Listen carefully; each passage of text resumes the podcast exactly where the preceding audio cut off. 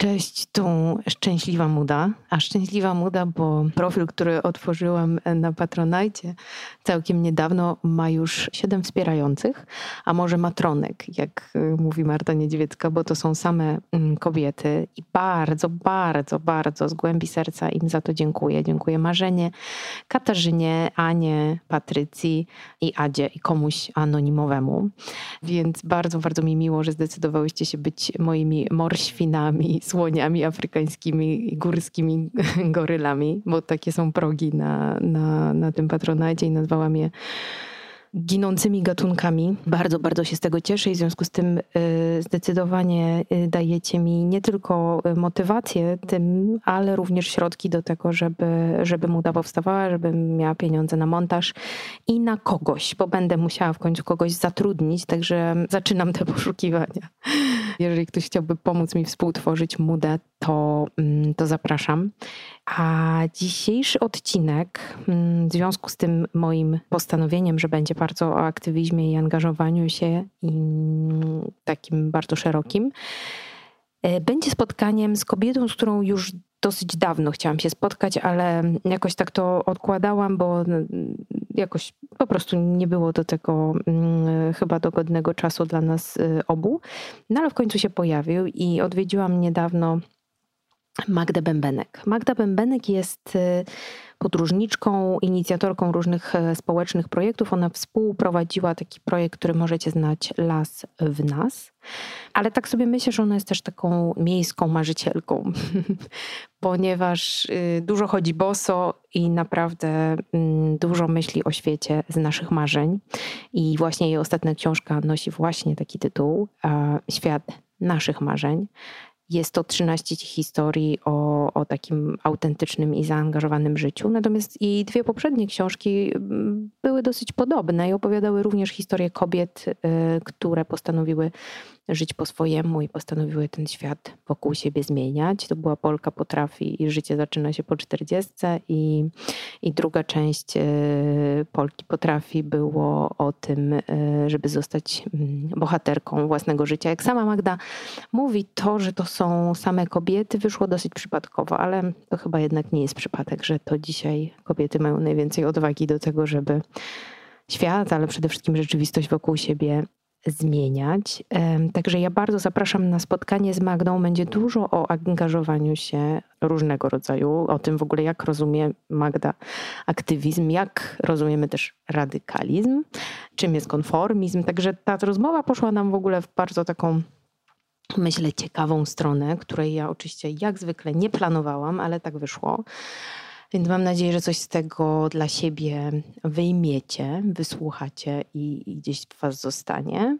A zanim zaczniecie słuchać, to proponuję taki krótki cytat z Magdy książki. Weź głęboki wdech, a wydychając, zapadnij się wygodnie w ciele. Rozluźnij oczy, policzki i język. Uwolnij napięcie z barków i brzucha. Upewnij się, że jest ci wygodnie uspokój myśli i ciało. A kiedy będziesz gotowa, przewróć kartkę i zacznij śnić. To śnić ja zamieniam na słuchać.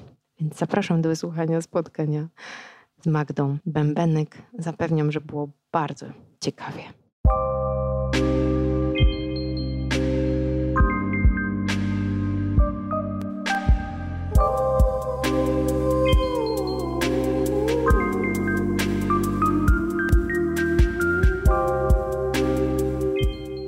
Właśnie jak czytałaś o tym, e, że formuje tą ideę, że jak to zawsze OM też brzmi, e, szeroko rozumianego zaangażowania, powrotu do natury, autentyczności, mm, no to gdzieś to są te elementy nie? Mm. wprowadzenia piękna, intencyjności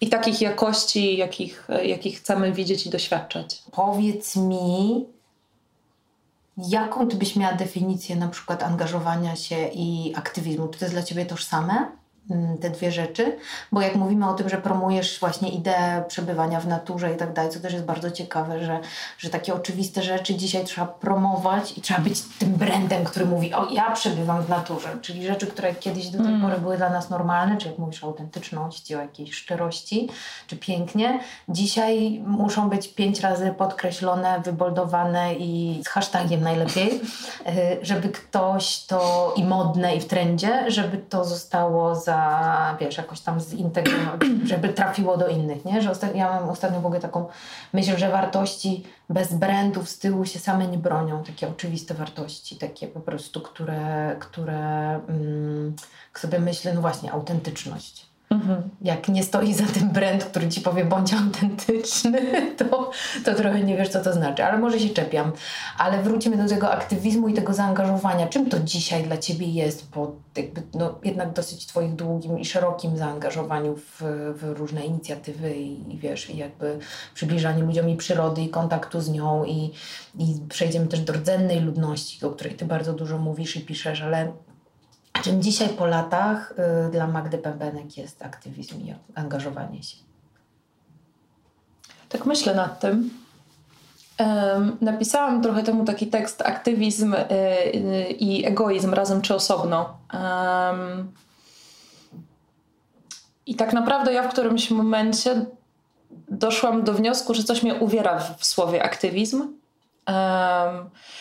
Jedna rzecz to y, myślę jakiś taki stereotyp, jakaś łatka, która została przyczepiona, nie wiem, osobom, które szeroko można by nazwać ekoaktywistami, czy jakimikolwiek innymi aktywistami. I problem, który mam z tym słowem jest taki, że to jakby wyjmuje nam właśnie kwestię świadomego, zaangażowanego życia z tej naszej codzienności. I tworzy taki dla mnie sztuczny podział na to, że pewne rzeczy robimy i je po prostu robimy i one nie mają żadnego wpływu i jest jakiś pewien zakres, pewne pole działania, które wtedy można nazwać aktywizmem i wtedy to coś zmienia. No bo jakby wszystko, co robimy codziennie, każda decyzja, którą podejmujemy, każda relacja, którą mamy z drugim człowiekiem, z resztą środowiska naturalnego, wszystko ma wpływ na to, jak ta rzeczywistość e, wygląda i w jaki sposób ją współtworzymy. I, I, pamiętam, że ten tekst, o którym wspominam, zainspirowała rozmowa z, z jakimś znajomym wiele lat temu, który właśnie mi powiedział, no, że on tak e, podziwia, naprawdę podziwia to, to mm, co ja myślę i jak ja się chcę angażować, jak ja chcę żyć, ale, ale on tak nie ma, bo on jest egoistą i, i on jakby chce, żeby on miał dobrze, żeby jego najbliżsi mieli dobrze i na tym się skupia. I, i pamiętam, że coś, coś mnie w tym stwierdzeniu uderzyło. I kiedy sobie zaczęłam o tym myśleć, że no dobrze, no ale egoizm to jest dbanie o, o nasz dobrostan, o to, o to, co dla nas, e, nie wiem, e, ważne, e, o to, co nam dobrze robi. No jak sobie pomyślałam o tym, jak w jaki sposób, jakie systemy obecnie współtworzymy, to one nam dobrze nie robią. Więc dla mnie właśnie nie otwieranie oczu na to, co się dzieje, nie otwieranie na to serca, um, niewzmacnianie w sobie poczucia wpływu na tę rzeczywistość, w której e, żyjemy, którą współtworzymy, to nie jest egoizm. I, jak e, właśnie znowu spojrzałam sobie do słownika na definicję słowa egoizm, słowa aktywizm, to doszłam do wniosku, że każdy z nas jest aktywistą. No bo każdy z nas aktywnie działa. E, chodzi do pracy, robi zakupy, buduje relacje no i tak naprawdę, dopóki nie umrzemy, no to jesteśmy aktywistami, tylko albo robimy to świadomie, albo nieświadomie. I, I wtedy się zaczęłam zastanawiać, no dobra, no to w takim razie jak nazwałabym taką postawę, o której mówił mój znajomy?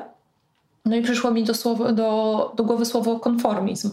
Że, że jesteśmy konformistami, kiedy zgadzamy się na rzeczy, które nie są dobre dla nas, dla naszych najbliższych, no bo e, brak sprawiedliwości społecznej, e, pogłębianie destrukcji środowiska naturalnego, e, no to nie są rzeczy dla nas dobre. No więc jeżeli im nie przeciwdziałamy, um, i to ma bardzo wiele różnych wymiarów, to nie oznacza, że teraz nagle trzeba rzucić wszystko, co się robi i właśnie zostać e, w cudzysłowie, tak, e, aktywistą, aktywistką. bo to może mieć chociażby formę tego, że zaczynamy się edukować i zaczynamy otwierać się na inne sposoby spojrzenia na świat i tutaj e, wink wink e, do, do różnych rdzennych przekazów mm, no to jesteśmy konformistami, czyli po prostu zgadzamy się na dalszą destrukcję tkanki społecznej i tkanki tego, z czego jest utkany ten ekosystem, w którym żyjemy. Mm, więc myślę, że, że tak, że, że to jest e, coś, nad czym się warto zastanowić, że tak naprawdę co jest egoizmem. I no i dla mnie egoizmem, ja, ja uważam, że jestem egoistką jak najbardziej, bo siedzę z tym, kim jestem, co jest dla mnie ważne i staram się te rzeczy wspierać i staram się robić sobie dobrze, a równocześnie w tym momencie już mam świadomość tego, że to, co jest dla mnie dobre i co jest prawdziwie moje, więc tutaj też wchodzi ten kawałek autentycznego życia, czyli odkrywania tego, jakie mam wartości i, i jakby czym chcę się otaczać i to chcę wspierać. Wierzę głęboko, że to, co jest prawdziwie moje i to, co jest dobre dla mnie, jest też dobre dla innych ludzi i dla reszty środowiska naturalnego. I w ten sposób jakby nie ma już też dla mnie czegoś takiego jak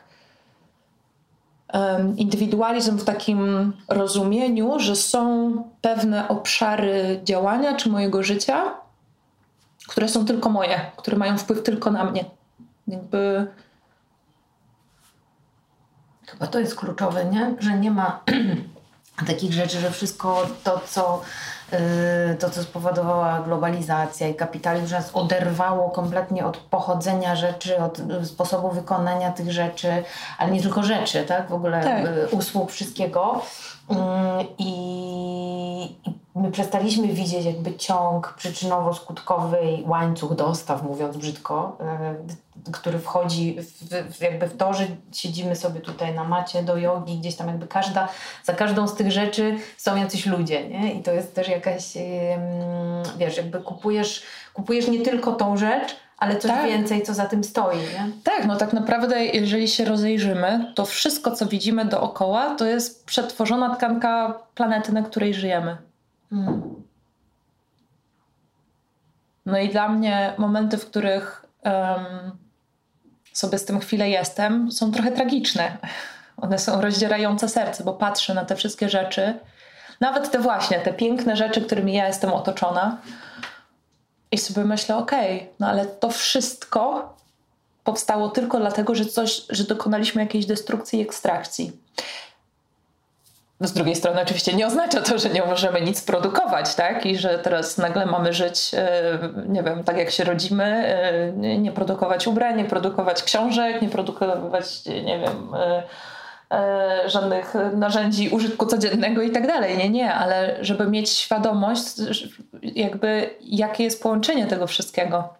Jako, że żyjemy w kręgu kulturowym, który w każdym swoim obszarze przesiąknięty jest um, takim kolonialnym, imperialistycznym podejściem do innych ludzi, do reszty świata natury. Um, w kręgu kulturowym, który wszystko właśnie ciacha na malutkie kawałeczki. Nic dziwnego, że my nie widzimy połączeń, skoro tak naprawdę prawie wszystkie narracje, w których funkcjonujemy, czy to religijne, gospodarcze, społeczne, polityczne, naukowe, polegają na tym, żeby robić jak najmniejsze wycinki żeby patrzeć na wycinek, a nie na całość. Um, więc tak, no, nic dziwnego, że, że nie widzimy tych połączeń, ponieważ bardzo skutecznie oduczono nas je widzieć. I mówię bardzo świadomie, że nas oduczono je widzieć, bo mam takie przekonanie i też doświadczenie z młodymi ludźmi, e, z takimi bardzo młodymi ludźmi, yy, którzy przychodzą na ten świat, że dla nich to połączenie jest totalnie naturalne. I, i na przykład dla małych dzieci to, że ja rozmawiam ze swoimi roślinami w ogrodzie, albo rozmawiam z insektami, albo ze zwierzętami, albo z drzewami, albo z jeziorem, albo z chmurą, albo z czymkolwiek innym. Co teraz e, niektóre dorosłe słuchające to, co mogą sobie myśleć, że jakaś wariatka. Ale dla dzieci to by było zupełnie normalne, bo one robią dokładnie to samo, bo one nie widzą, nie są jeszcze nasączone tą narracją e, hierarchiczności międzygatunkowej, i też tego, że człowiek jest jakkolwiek odrębny od, od tego, co nas otacza. Nie? w ogóle sama, sam podział człowiek i świat przyrody, albo mhm. człowiek przyroda, albo człowiek natura. Dlatego ja też bardzo świadomie uczę się operować językiem w inny sposób i mówić człowiek i reszta świata natury. Mhm. Tak, żeby nawet w tym obszarze nie wspierać tego podziału. A, a jestem nim przesączona, hmm. ponieważ dorastałam Myślę, w Polsce. Podział i... na naturę i kulturę nam to pozwolił zrobić, nie? Czyli człowiek należy do kultury, a natura jest mu podległa i coś tam sobie A skąd ta nasza kultura się wzięła? No właśnie. Nie? Wiesz, jakby dokładnie z miejsc, z których się wywodzimy. Myślę, że to, że y, wiesz, to powiem Ci, że mi jest coraz bliższe, mimo tego, że ja nie siedzę w lesie, y, a jakby jestem jednak tym cholernym mieszczuchem, to, y, to jest mój ekosystem jednak bardziej naturalny, ale chodzi mi o to, że mm, największą chyba jakąś taką krzywdę, a może wyzwanie, żeby to na nowo połączyć i posklejać, widzę w tym, że my siebie jako części natury nie, nie postrzegamy zupełnie, nie? Że, że moglibyśmy się na pewno dużo nauczyć od rolników, których tam lubimy pouczać, że nic nie wiedzą o uprawach, chyba, nie wiem, bo są za mało eko na przykład, ale generalnie z naturą to oni mają naprawdę na pewno 10 razy lepszy, znaczy lepsze, no jakby, wiesz, ży, życie w takim rytmie też nawet natury, nie? Kładzenie się w miarę spać wcześniej, że my mamy wszystko też przez to, że mamy, wiesz, i miasta zaśmiecone światłem i hałasem, to jest mega zaburzone, nie? I, i miasta pozwalają ci się od tej natury całkowicie oderwać. I, I, ja widzę na przykład takie swoje upośledzenie totalne, że, że wiesz, że kiedyś byłam w stanie rozpoznać, jak jeszcze byłam młodsza i bardzo mnie to interesowało, mnóstwo gatunków drzew, a dzisiaj pewnie jakieś takie zupełnie podstawowe. To, że wiesz, bardzo w ogóle nie wiemy i dzieciaki nie wiedzą, jeżeli nie są w jakichś, wiesz, nie wiem, wolnościowych przedszkolach, gdzie się bawisz, czy szkołach na, na drzewach ciągle, w ogóle nie wiedzą skąd pochodzą rzeczy, nie? Że jakby, nie wiem, większość z nich pewnie nie wie, jak rośnie coś tam, no nie wiem, pomidor, czy mm. po prostu jest to w sklepie, tak? Rośnie na ryneczku Lidla na przykład. Tam sobie po prostu, wiesz, jakoś się pojawiło. E, jesteśmy mocno od tego rzeczywiście oderwani, od tego całego łańcucha, ale też właśnie to, że w ogóle nie postrzegamy siebie jako części natury.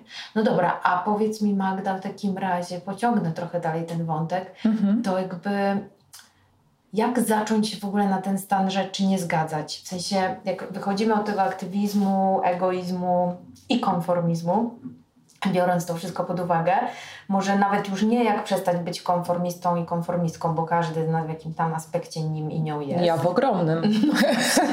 no właśnie. Ale jak zacząć rzeczywiście... Mm, no właśnie, jak zacząć nie zgadzać, jak nie masz w sobie tego naturalnego buntownika? Jak zacząć podważać tą rzeczywistość? Czy zacząć od źródeł jakichś ciekawych, czy właśnie, wiesz, postaci, którymi zaczynasz się inspirować i patrzysz, jak oni żyli, czy siedzieć i patrzeć po prostu 5 godzin w parku na jedno drzewo i, i wiesz, i, i zobaczyć, jak ono funkcjonuje na przykład?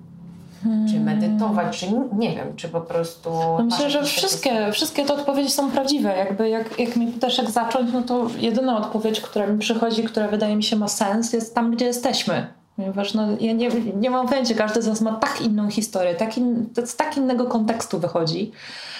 Też e, jakby powiedziałeś coś takiego, że nie ma w sobie tego naturalnego buntownika, nie? Że też jakby jak słyszę coś takiego, to tak sobie myślę, ale co to tak w ogóle oznacza, nie? Bo dla mnie jakby nie. Ja się staram nie buntować. jakby ja mam za sobą wiele różnych okresów buntu i myślę, że wiele jeszcze różnych przede mną.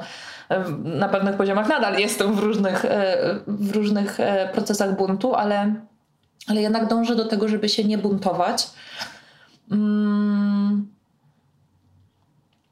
ponieważ e, mam takie doświadczenie i, i, też gdzieś przekonanie, że w momencie, kiedy się skupiamy, żeby być anty, żeby działać przeciwko czemuś, a tym jest bunt, to tak naprawdę to bardzo zasilamy. I, i to nie oznacza, że, żeby nic nie robić, um, tak? Albo żeby nie, nie nazywać krzywdy, która się dzieje, albo żeby nie nazywać. Um, tak, no tego, co jest czarne czarnym, a tego, co białe białym, nie? Um, ale ja staram się w sobie rozwijać bardziej taką przestrzeń do tego, żeby wspierać to, na czym mi zależy i żeby umacniać pewne jakości i wartości, które są dla mnie ważne, bardziej niż buntować się przeciwko innym. Um, równocześnie też jak sobie myślę o tym naturalnym buntowniku, to znowu myślę sobie o małych dzieciach. Mhm. No i właśnie, czy, czy to nazwiemy naturalnym buntem, czyli to, że jesteśmy, że kiedy przychodzimy na ten świat, my wiemy, jak, gdzie jest nasze tak i gdzie jest nasze nie.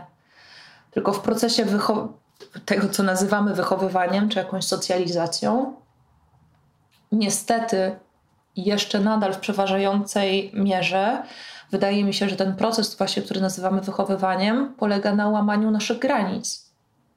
Oczywiście to nie jest tak, że dziecko nigdy nie powinno słyszeć słowa nie, albo że zawsze powinno dostawać to, to czego chce. To, to jakby zupełnie, zupełnie nie chodzi mi o taki totalny leseferyzm, bo to myślę może być bardzo szkodliwe dla, dla młodego człowieka.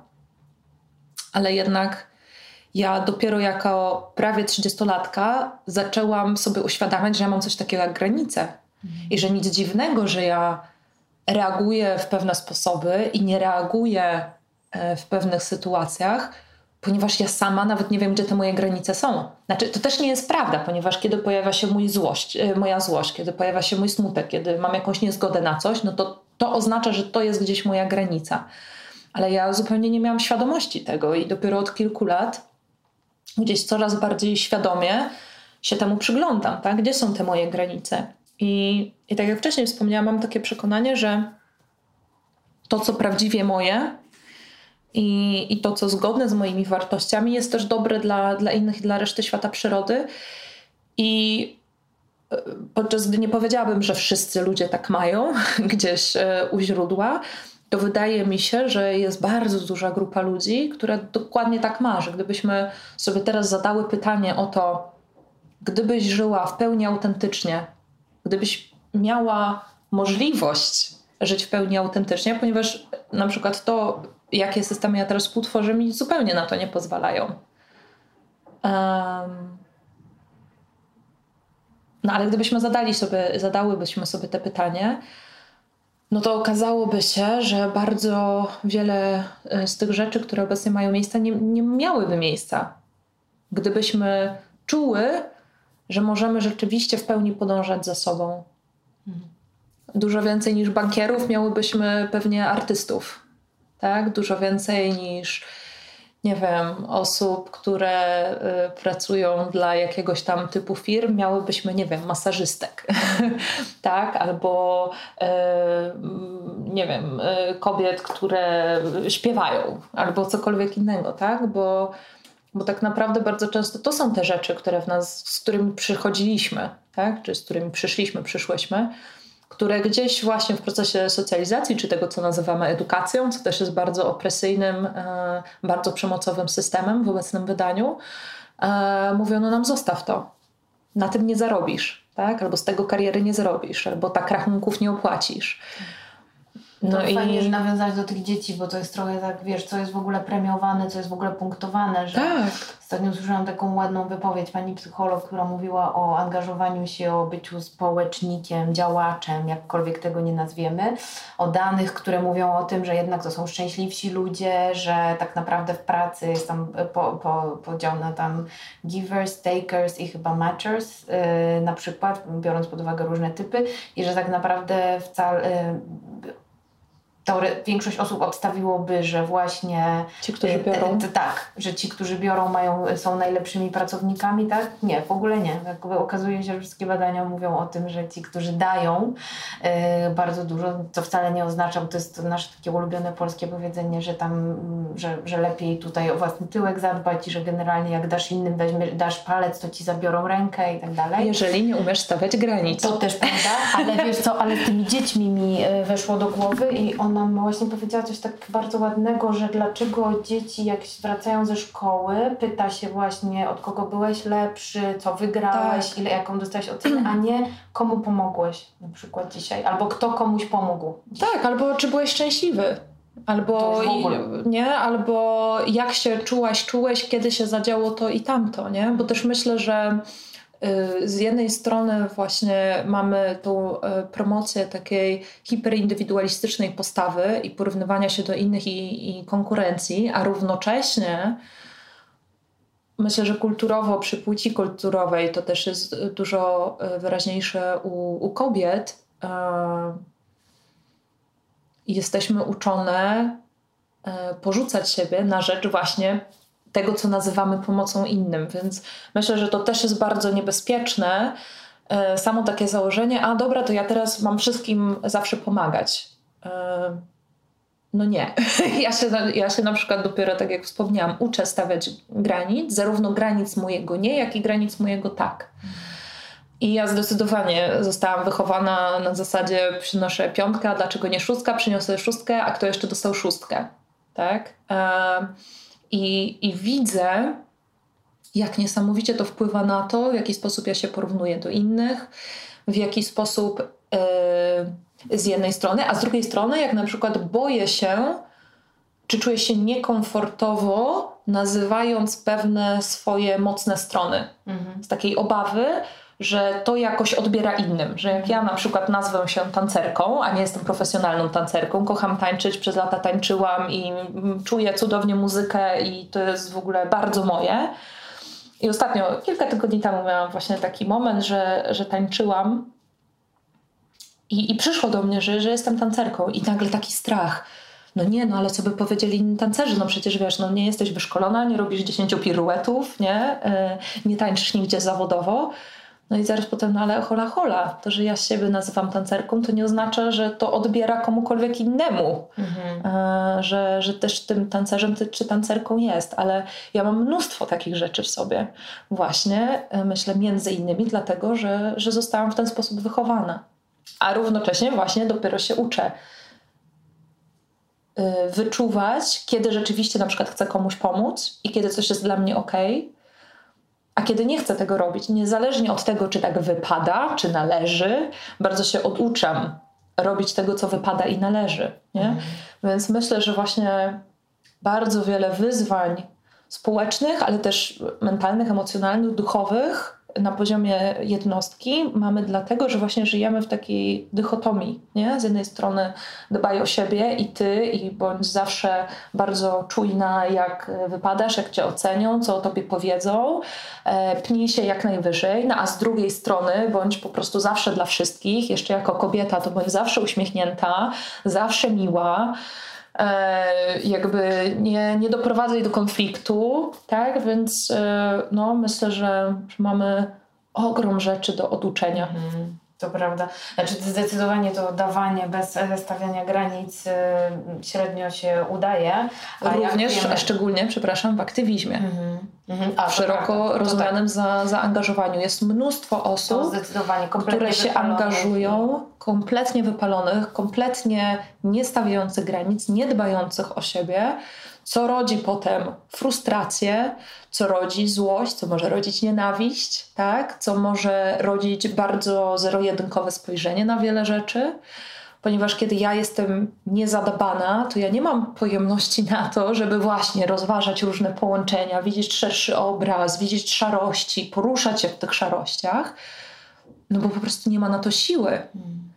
I, i też mam oczywiście też nic nowego, bo jakby większość systemów, nie wiem, filozoficznych, religijnych i tak dalej to mówi, no, że jakby nie stworzymy na zewnątrz nic, czego nie mamy wewnątrz. Z drugiej strony jesteśmy w stanie stworzyć jedynie to, co mamy w sobie. No więc jeżeli ja jestem wypalona, jeżeli ja jestem pełna yy, niewyrażonej złości, jeżeli, czy jakichkolwiek innych emocji, bo żeby nie było, ja uważam, że złość jest super, jeżeli jest yy, ogarniana w, w, konstruktywny dla nas sposób, to jest właśnie jakaś informacja o naszych granicach, o jakiejś niesprawiedliwości, no ale, ale może na przykład działanie na w kurwie może niekoniecznie jest najlepszym, tak? No, może to nie jest najlepszy no nie, doradca, tak? tak? tak. Um, no i też pytanie, co stworzymy, jeżeli będziemy działać na kurwie, na, przepraszam, tak, to na dobrze, kurwie. To, na kurwie. Nie na kurwie, tylko to, na kurwie. Że pokazały też, wiesz, protesty. protesty Myślę, oczywiście. że hasło wypierdalać możecie nieść, ale yy, nie wiem, przez Tylko co tydzień, zrobi? dwa i co, ale potem co dalej, tak? Jaką co? energię buduje? No i ono nie zbuduje generalnie niczego. I czy ono jakkolwiek rzeczywiście oddaje, że my tam jesteśmy w ochronie praw człowieka, hmm że my tam jesteśmy po to, żeby pokazać że właśnie nasze granice zostały przekroczone, nie będziemy się na pewne rzeczy godzić, no ale nie tylko w oporze, ale w tym, że my chcemy zbudować coś innego, coś bardziej inkluzywnego, coś bardziej wspierającego. No, ja na przykład chodziłam na protesty, e, jak byłam w Warszawie, mm, ale miałam z tym ogromny problem.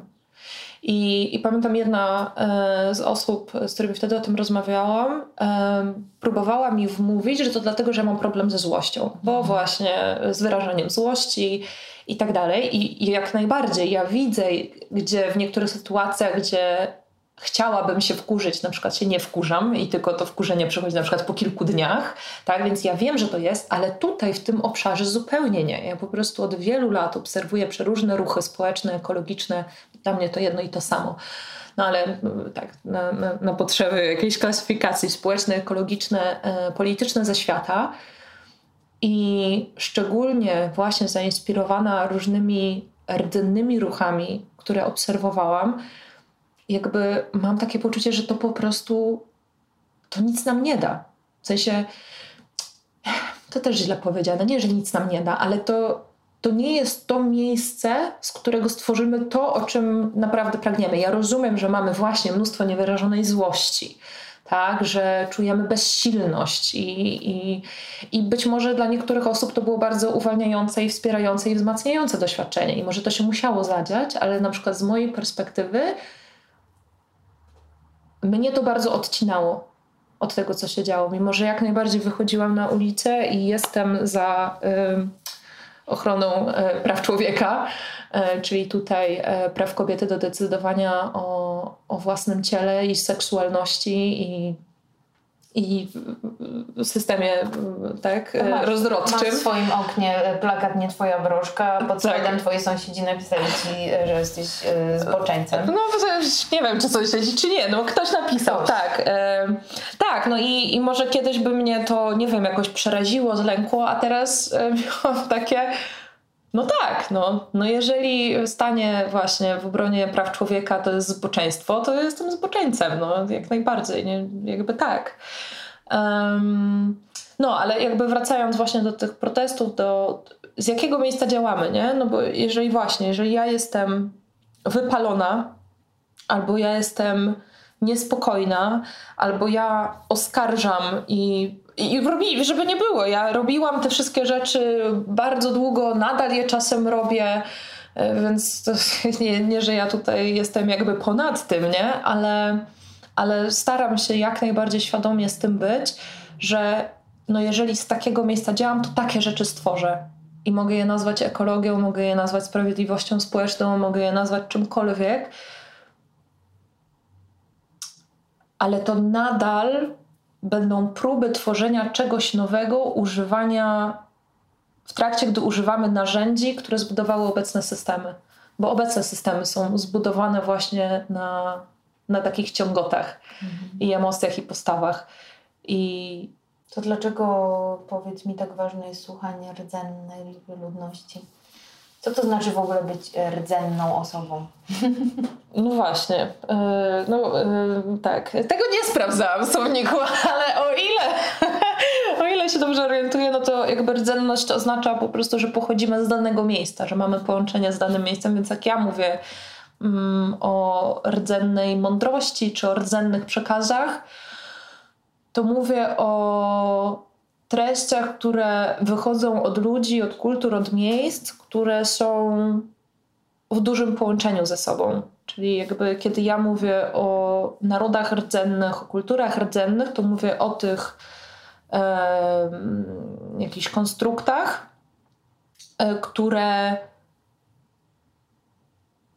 uznają, e, rozumieją, szanują i wzmacniają właśnie to poczucie połączenia człowieka e, z resztą świata e, natury mm, i które to mają naprawdę na, na pierwszym planie. Tak? Gdzie ta, to, co my byśmy nazwali ekologią, to w ogóle nie funkcjonuje jako ekologia, bo nie ma takiej potrzeby. Tak samo właśnie trochę mam problem z tym słowem ekologia, jak z aktywizmem. Nie? Że to, to ponownie trochę tak wygląda, jakbyśmy mogli sobie normalnie żyć i robić coś ekologicznego. no nie. I, I bardzo wiele z tych kultur, które właśnie nazywamy rdzennymi, to są kultury, które w każdym elemencie e, tego tworu, którym są, mają właśnie tą świadomość nierozerwalności połączenia człowieka z resztą, z resztą świata przyrody. No a to oczywiście oznacza, że podejmujemy zupełnie inne decyzje, że w zupełnie inny sposób organizujemy życie społeczne, polityczne, gospodarcze. Mm. Kiedy mamy świadomość tego, że, że to, co robimy, wpływa na, e, na całość świata dookoła nas, nie? Mm. I tak jak tym naszym zachodnim kręgu kulturowym uwielbiamy sobie od kilku lat wycierać słowo, e, wycierać gębę słowem zrównoważony. Mhm. Nie? I w ogóle mówimy o zrównoważonym rozwoju. Ja kiedyś, jak pierwszy raz usłyszałam lata temu o zrównoważonym rozwoju, to myślałam tak. A teraz słyszę zrównoważony rozwój i mam takie, a przecież to jest oksymoron. Nie ma czegoś takiego jak zrównoważony rozwój. W przyrodzie nie ma, czego, nie ma czegoś takiego jak ciągły wzrost. Więc nie może być zrównoważonego rozwoju. Mhm. może być zrównoważona cykliczność, tak? Ale nie ma czegoś takiego, takiego jak zrównoważony rozwój. Więc to się wyklucza. To się wyklucza, dokładnie. Dokładnie. No i my na przykład y, tak, y, w ten sposób funkcjonujemy, a tak naprawdę nikt z nas praktycznie nie definiuje tego słowa, co to znaczy zrównoważony. No i właśnie przez to możemy sobie tworzyć takie smorony, jak zrównoważony rozwój i się czuć, że uch, robimy coś super, jesteśmy teraz bardzo eko. No, Czy jeszcze a... lepiej zrównoważony wzrost. Jeszcze rozwijać się może gdzieś tam wewnątrz coś, ale No to zależy jak rozumiemy rozwój, tak, nie? No bo no dla mnie rozwój jest cykliczny, czyli ja wiem, że ja mam takie etapy, gdzie na przykład jestem bardzo aktywna, czyli tak jak, nie wiem, w zeszłym roku wypuściłam książkę i to było jakieś takie zwieńczenie e, wielu lat właśnie różnych procesów, które wewnętrznie we mnie się działy, e, jakiś e, potknięć w świecie szeroko rozumianego aktywizmu, wspierania organizacji czy inicjatyw, które wspierałam zupełnie nie wiedząc tak naprawdę, co wspieram, bo nie miałam wiedzy merytorycznej, bo nawet nie pomyślałam o tym, żeby zakwestionować pewne rzeczy, które mi mówiono. Gdzieś to grało na moich emocjach. E, I po prostu za tym szłam i krzyczałam, że się dzieje krzywda, albo krzyczałam, że należy, nie wiem, wprowadzać takie, a nie inne rozwiązania, zupełnie chyba nie mając pojęcia, o czym mówię.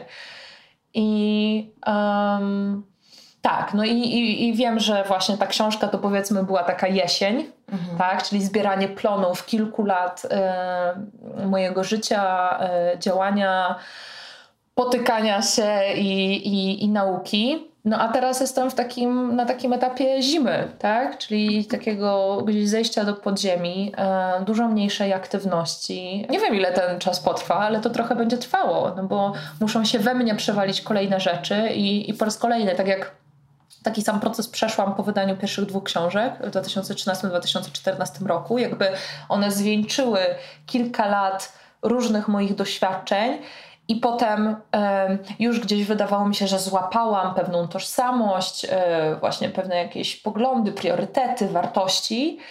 I chwilę po wydaniu tych książek po prostu nastąpił totalny rozpad. I ja czuję od kilku miesięcy, że jestem dokładnie w tym samym miejscu, że, że jakby idę o krok dalej, nie? Mhm. że pewne rzeczy już w sobie przerobiłam i gdzieś w ten czy w innym stopniu wprowadziłam w życie i że teraz znowu czuję, e, że jestem u progu rozpadu swojej tożsamości kulturowej, e, politycznej, gospodarczej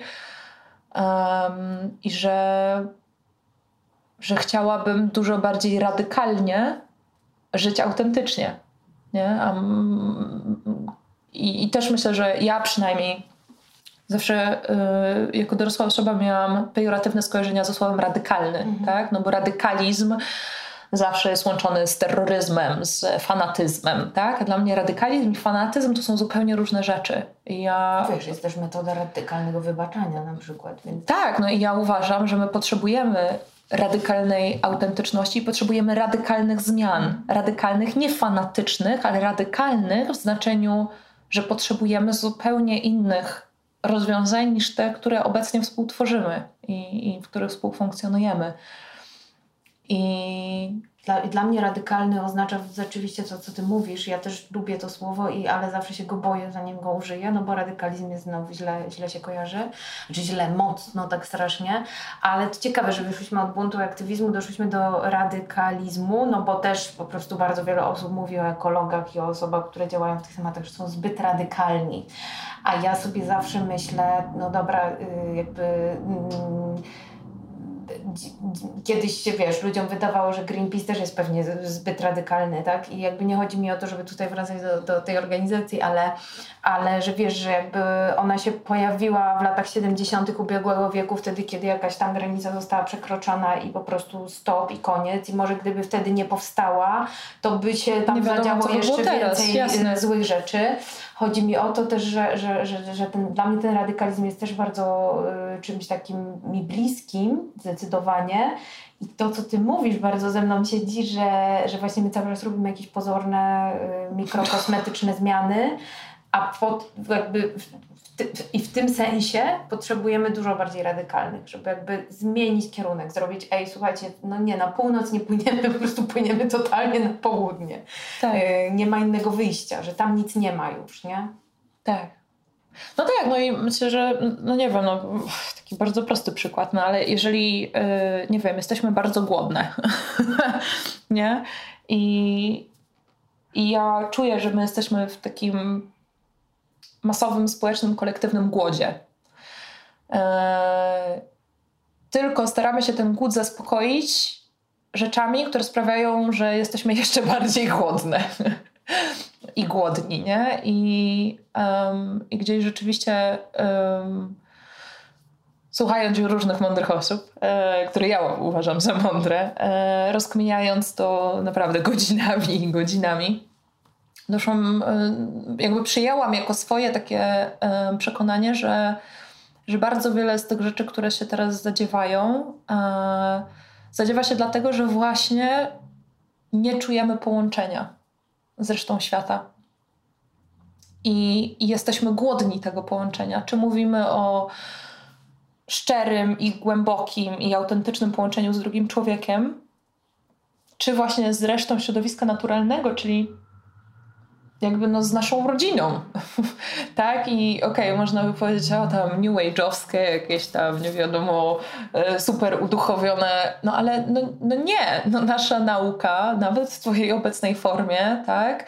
Mówi dokładnie to samo. Jeżeli wystarczająco długo, jakby wystarczająco daleko spojrzymy w przeszłość, to z każdym elementem świata, w którym żyjemy, mamy jakby wspólnych przodków. Mhm.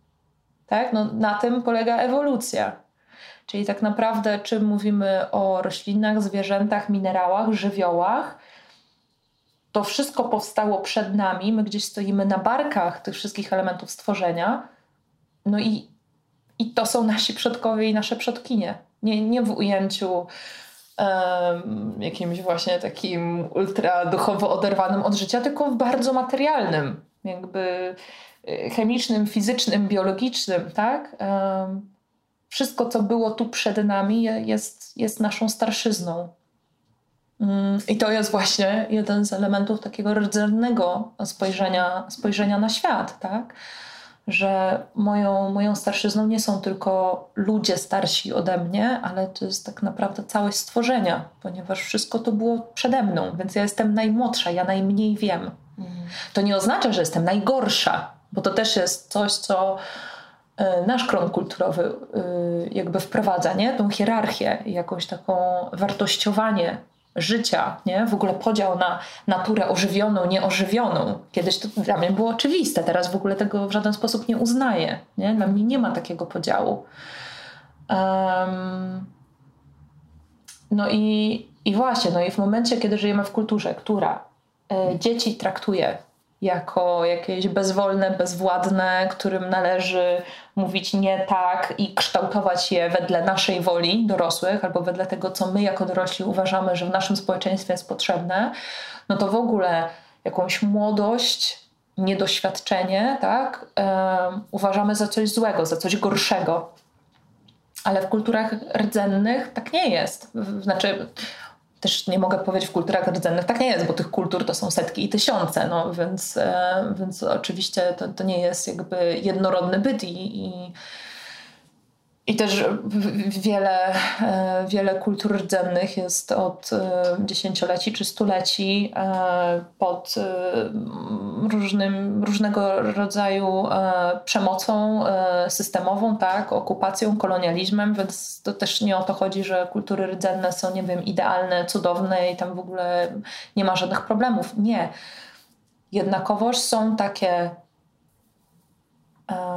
ramy funkcjonowania, które ja bym nazwała rdzennymi, które sprawiają, że zupełnie inaczej się poruszamy po świecie, uważam, że w sposób dużo zdrowszy dla nas jako jednostek, jako ludzi, ale też jako. Yy, no, ja nie jestem tylko członkinią społeczności ludzkiej, ale jestem też członkinią społeczności ziemskiej. Nie? I, I mam takie poczucie, że te rdzenne ramy funkcjonowania są po prostu zdrowsze dla mnie, jako dla tej członkini na każdym możliwym etapie. I zahaczyłyśmy tutaj trochę gdzieś właśnie, wspominałaś o jakiejś psy, psychologii nie? zachodniej. No, psychologia zachodnia uważam, że jakby ma wiele super rzeczy do zaoferowania, no, ale na przykład w głównych nurtach psychologii w ogóle nie poruszamy kwestii naszego połączenia ze sztą światą natury. Hmm.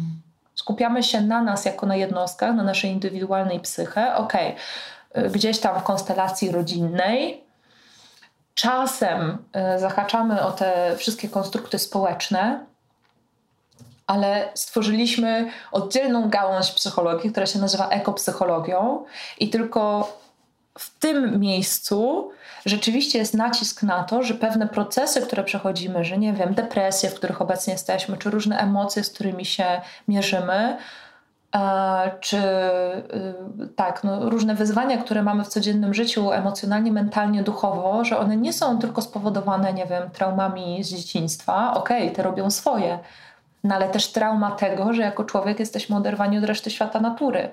Tak? I że tak naprawdę przywracanie się naturze, czyli przywracanie tego naszego połączenia ze świata natury, ogromnie wpływa na nasze samopoczucie jako jednostki funkcjonujące w społeczności ludzkiej. I um, nawet nie słyszałam o ekopsychologii, powiem ci szczerze, ale zupełnie totalnie się zgadzam, że, że no, że nie ma tam jakiegoś połączenia z naturą, jakiejś pamięci, pamięci tej natury w ciele się nie wzbudza, że zupełnie, że sobie robisz to Nie ma tego tematu. Nie wiem, oddychając w to miejsce można powiedzieć, że jest jakoś to bardziej, że w ogóle do swojego ciała gdzieś tam włazisz i to już jest, nie? Ale poruszanie tak. i jakby łączenie to z jakąś taką cielesną, cielesną terapią, mm, jakimiś masażami, nie wiem, y, y, krzyżowo tam, czaszkowo-krzyżowym, tak? Natomiast jeśli chodzi o naturę, zupełnie się z tym nie spotkałam bardziej na zasadzie przytul się do drzewa, nie? ale zupełnie nie mówiąc o tym, jak jesteśmy z nią połączeni i skąd mogą wynikać różne nasze zakłócenia tak, psychiczne. Nie? Tak, ja na przykład y, w tym roku trochę siedziałam sobie z tematem samotności, bo bardzo dużo czasu spędzam sama. No właśnie, sama czy nie sama? W zachodnim podejściu, y, też w zachodnim podejściu y, psychologicznym, nie, musisz się nauczyć funkcjonować sama Musisz być niezależna emocjonalnie, tak? To nie o to chodzi, że nie masz budować relacji, ale masz być niezależna samodzielnie. No bo wtedy jesteś tą jednostką, y, w końcu y, jakby y, tak, na koniec dnia i tak jesteś sama. Nie? Taki jest gdzieś główny przekaz, czy to samorozwoju, czy, czy, czy terapii, przynajmniej w takiej formie, w jakiej ja się z nią spotkałam. I zaczęłam sobie myśleć, ale czekaj, w kulturach rdzennych w ogóle nie ma takiego przekazu właśnie jest kompletnie odwrotny przekaz, że nigdy nie jesteś sama. Cały świat cię wspiera. Wszystkie organizmy na tej planecie, jakieś byty, energie, których my byśmy powiedzmy nazwali, nie wiem, bogami, czy jakimiś duchami, świętą trójcą, czy czymkolwiek innym, to wszystko jest po to, żeby nas wspierać. Tak? W różnych kulturach rdzennych różne pory dnia czy y, nocy mają swoją nazwę, mają jakąś postać, która je reprezentuje i mówi się o nich w taki sposób, że one nas wspierają. Tak? Jakaś tam pora nocy nazywana jest tak i tak, i to jest ten moment, kiedy to, ta energia cię otula. I zaczęłam sobie o tym myśleć, właśnie o takim podejściu, że wszystkie zwierzęta, rośliny, minerały, że to, są, że to jest nasza rodzina, tak? To są nasi przodkowie, nasze kurzynostwo i tak dalej. No i w takim ujęciu człowiek nigdy nie jest sam. Okej, okay, może nie mieć innych ludzi dookoła siebie, ale nigdy nie jest sam, ponieważ cały wszechświat jest z nami. I, i wtedy do mnie przyszło, że samotność, taka jak, jak ją znamy e, w naszej kulturze, że to jest w ogóle nasz twór kulturowy bo mogłybyśmy dorastać w kulturze, w którym w ogóle nie byłoby pojęcia samotności. Mhm. I jak inaczej żyjesz, nawet jeżeli jesteś gdzieś sama, nawet jeżeli jest ci ciężko, ale gdy patrzysz dookoła i masz świadomość, że te wszystkie inne organizmy i te wszystkie elementy tego świata, w którym żyjemy, są tutaj z tobą i dla ciebie, i one cię wspierają, i one chcą dla ciebie dobrze i dają ci wszystko, czego potrzebujesz, no bo umówmy się, no ja nie potrzebuję sklepu, żeby jeść. Ja potrzebuję żywej, zdrowej gleby i roślin. Ja nie potrzebuję rządu, żeby żyć. Ja potrzebuję zdrowej planety, żeby żyć. Tak? I to wszystko mamy. Zamiast trawników yy, i różnych obszarów w mieście mogłybyśmy mieć uprawy dyni, cukinii i ogórków. Zamiast, nie wiem, drzew iglastych w parkach moglibyśmy mieć drzewa owocowe.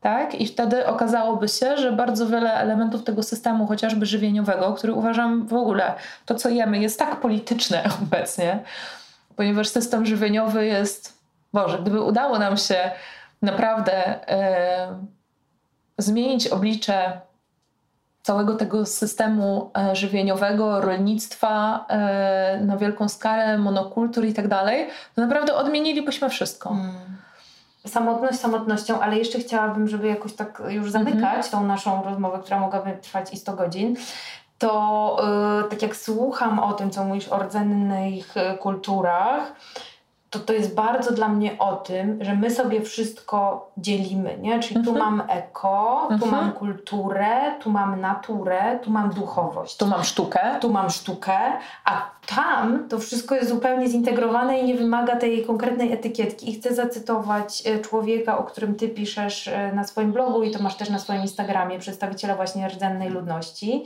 E, Tiokasin Ghost Horse. Tak? Ghost Horse Ghost chyba. Horse.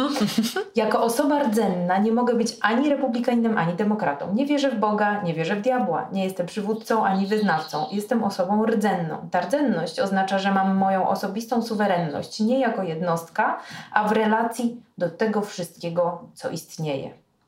Czy twoje DNA pamięta, jak być rdzennym człowiekiem? Yy, I bardzo, bardzo w ogóle to chyba ze mną zostanie na dłużej, ale mm, ciekawe, że w ogóle y, w tą stronę nam to poszło. A zastanawiałam się o coś, że chciałam zapytać też o świat Twoich marzeń, ale trochę powiedziałaś o tym, y, o tych roślinach wszędzie i o tych cukiniach i dyniach. A gdybyś mogła zmienić jedną rzecz albo jeden aspekt naszego życia, biorąc nadal pod uwagę, że my mamy to podzielone, to na przykład byłoby to dla ciebie jed, tylko jedną. Edukacja od, jakby od najmłodszych e, lat, żeby po prostu tych dzieci tak tam nas wszystkich nie, nie ciosać i, i nie, nie, nie, nie, wiesz, nie odzierać z takiej właśnie, e, z tej, z tej dziecinnej, e, najlepszej na świecie ciekawości czy właśnie system żywieniowy po całości. Jutro masz magiczną różdżkę, możesz zmienić jedną rzecz. Tak wiesz, zburzyć to, co było, nadać nowy azymut, radykalna zmiana. Gdybym mogła zrobić jedną rzecz, to sprawiłabym, że ludzie znowu czuliby się połączeni z resztą świata. Mhm.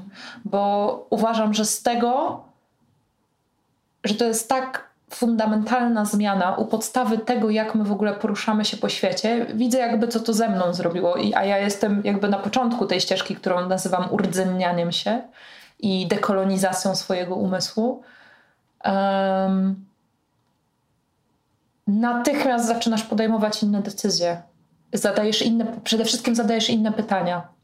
Też ostatnio y, czytam książkę, która rozwala mi system to jest książka o tytule And Thus Spoke the Plant, czyli I tak przemówiła roślina. Jej autorka, naukowczyni, e, Włoszka, e, która mieszka i pracuje w Australii, w którymś momencie zaczęła mieć sny, które zaczęły ją kierować do pracy z medycynami, z różnymi roślinami i właśnie z różnymi kulturami rdzennymi. I łączy teraz od lat w swojej pracy różne doświadczenia właśnie pracy z medycynami, przekazów bezpośrednio, które dostaje od roślin, e, z pracą naukową na rzecz roślin. I ona o tej książce mówi, że ta książka napisana została w imieniu i we współpracy z roślinami. I a propos tych pytań, właśnie tam jest taki cytat, że nie szukasz e, odpowiedzi, a wszystkie odpowiedzi już tutaj są, szukasz pytań. Poznaj pytania, które masz zadać, i wtedy zobaczysz odpowiedzi.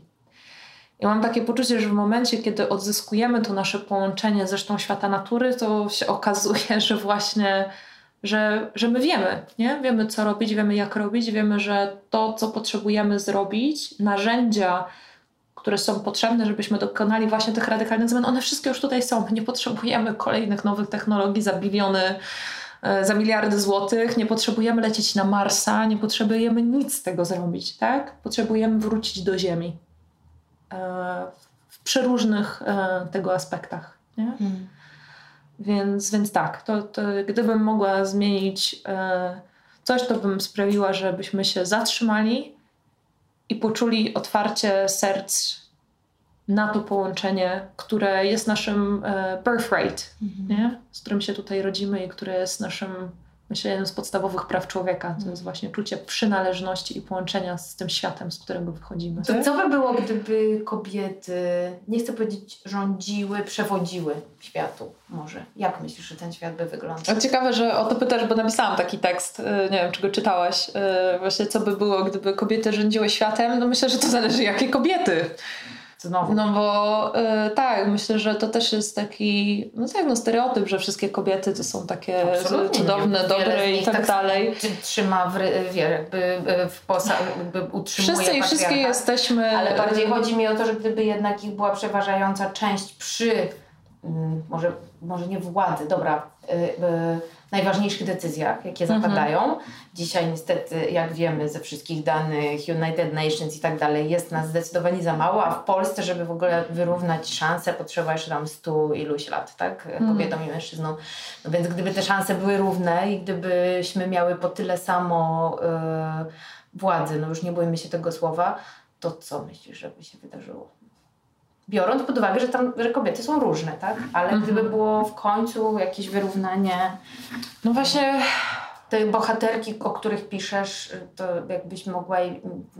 Czy są jakieś takie cechy, które je łączą, albo w ogóle takie, że chciałabyś im oddać po prostu teraz Polskę i podzielić na różne ministerstwa. Znaczy no w pewien sposób one już to robią, nie? W mikroskali właśnie o to chodzi, że one już tworzą inną Polskę i też mam takie przekonanie, że okej, okay, taka polityka wysokiego szczebla to jedno, um, ale tak naprawdę no to my codziennie w tej mikroskali tworzymy ten kraj, w którym chcemy żyć, tak? E, albo i nie tworzymy, no to zależy, to zależy jakie decyzje podejmujemy.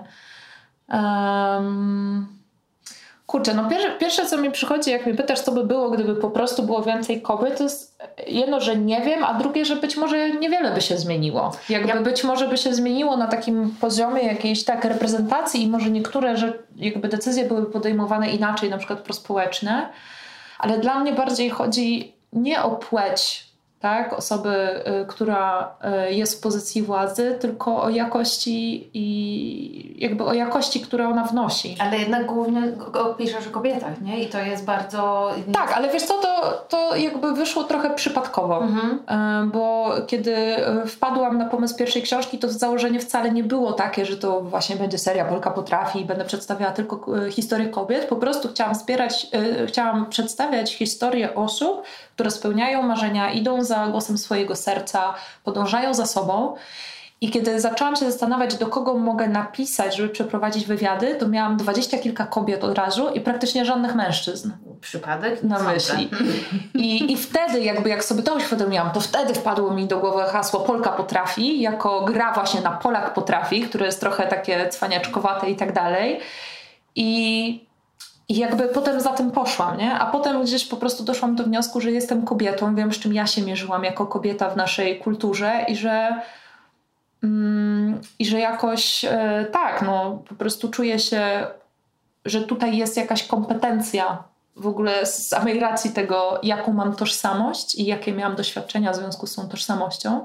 A znowu później, jeśli chodzi o świat naszych marzeń, bo ja wcale po drugiej książce nie byłam przekonana, że napiszę kolejną, bo miałam kilka lat takiego właśnie zanurzenia się w buncie i w złości, i w oskarżeniach i jakby w byciu totalnie anty i nieznajomości alternatyw i to był bardzo ciężki czas.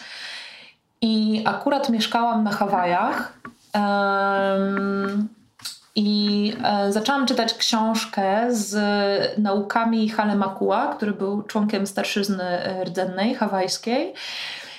I on w którymś momencie e, powiedział, że kobiety zmienią świat, że jakby tak jest przekazać, że to w bardzo wielu kulturach rdzennych nieustannie podkreślane jest, że ta dysproporcja i dysharmonia właśnie między pozycją kobiet i mężczyzn E, że jeżeli ona się nie zmieni, to jakby nic się nie zmieni. Dopóki kobiety się nie spotkają i nie uzdrowią swoich traum, to nic nowego nie stworzymy na świecie. Znowu o tym e, mówił Ilaren Merkulif, e, inny, inny członek e, e, jednej z nacji rdzennych, e, którego tak dłuższą wypowiedź też tłumaczyła mi jest do znalezienia u mnie na stronie.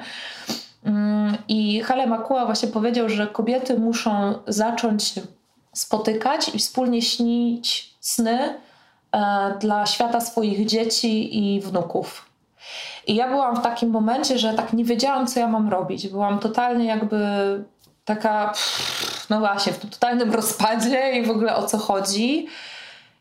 I te słowa po prostu jego mi się mieliły w głowie i mieliły i mieliły i wtedy zrozumiałam, okej, okay, tak, czyli ja właśnie teraz mam tworzyć kręgi kobiet, w których będziemy wspólnie śnić sny dla, e, dla naszych siedmiu, dla kolejnych siedmiu pokoleń, co też jest taką koncepcją rdzenną, że patrzymy, słuchamy mądrości siedmiu pokoleń wstecz i tu i teraz podejmujemy takie decyzje, które wpłyną pozytywnie na świat naszego siódmego pokolenia. I właśnie wracając do słowa zrównoważenie, to dla mnie to jest definicja zrównoważenia.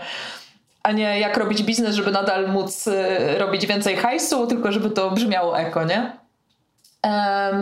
I, I to jest to, co, co zaczęłam robić. Opracowałam jakby warsztat, plan warsztatów e, trzydniowych i jednym z elementów tego, teraz e, prowadzę to w skróconej wersji takiej pięciogodzinnej, e, jednym z głównych elementów tego warsztatu jest to, że prowadzę taką wizualizację, gdzie przez około pół godziny zadaję pytanie za pytaniem na temat tego, jak, jaką wizję świata w sobie nosimy, bo każdy z nas każdy z nas nosi w sobie jakąś wizję świata, tylko ona jest mniej lub bardziej przykryta i przytłoczona jakby wszystkimi innymi rzeczami, e, które się zadziewają, wszystkimi przekazami, które dostawaliśmy, dostajemy. I myślę, że bardzo rzadko w ogóle świadomie zatrzymujemy się i czujemy przestrzeń na to, żeby w ogóle się właśnie zastanowić. Ok, to jak teraz świat wygląda mi się nie podoba, ale gdyby właśnie, gdybym jutro mogła się obudzić w takim świecie, o jakim marzę, to jak on by wyglądał?